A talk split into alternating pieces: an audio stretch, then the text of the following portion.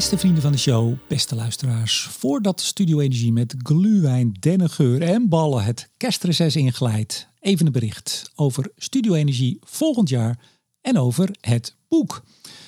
Eerst het reces, ja, dat is eigenlijk al begonnen. Deze week hebben we geen reguliere uitzending op dinsdag, maar wel zaterdag. De marktupdate met uiteraard Hans van Kleef. Over wat er op de energiemarkt gebeurt en vooral waarom. Ik zal luisteren. En wat doen we na kerst? In januari, ja, hebben we weer een grafiek van het jaar met de onvolprezen Martin Visser. Over hoe het nu echt gaat met de transitie. Hij heeft de getallen, ja, en eigenlijk weet hij alles. Dus ook daarvan zou ik zeggen, luister. Ook januari, uh, blik op olie en gas met Jilles van den Beukel en, daar is hij weer, Hans van Kleef. Met z'n drieën zijn we in de coronatijd uh, met de show begonnen. En met z'n drieën gaan we hem in januari ook afsluiten.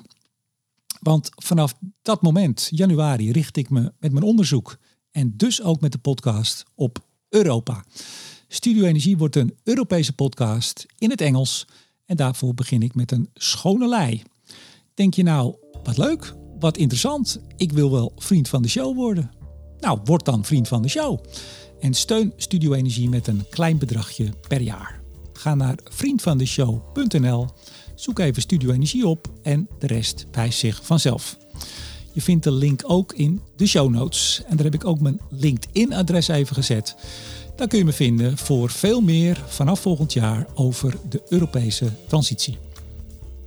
En ja, vriend van de show zijn, dat heeft natuurlijk zo zijn voordelen. Zo kun je in het eerste kwartaal als eerste mijn nieuwe boek bestellen. Nog voordat hij in de winkel ligt. Dan krijg je een speciaal genummerd exemplaar. Ja, waar gaat die over? Nou, het is een reconstructie van het Nederlandse energie- en klimaatbeleid en wat daar in de praktijk van terecht kwam.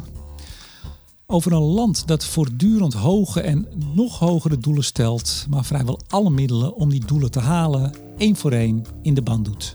Terwijl ondertussen de resultaten die we ondanks dat toch nog halen, worden gebagatelliseerd en soms ronduit ontkend. Oftewel een indringende blik op de ruwe, rauwe realiteit met de grote ontwikkelingen aan de hand van onder meer heel veel anekdotes. Soms tenenkrommend, soms hilarisch en soms ronduit vertederend. Maar vooral altijd typerend voor de Nederlandse transitie van de afgelopen jaren. Uh, voor nu alvast hele fijne dagen gewenst en tot snel. En ja, uh, ik ga gauw verder met schrijven.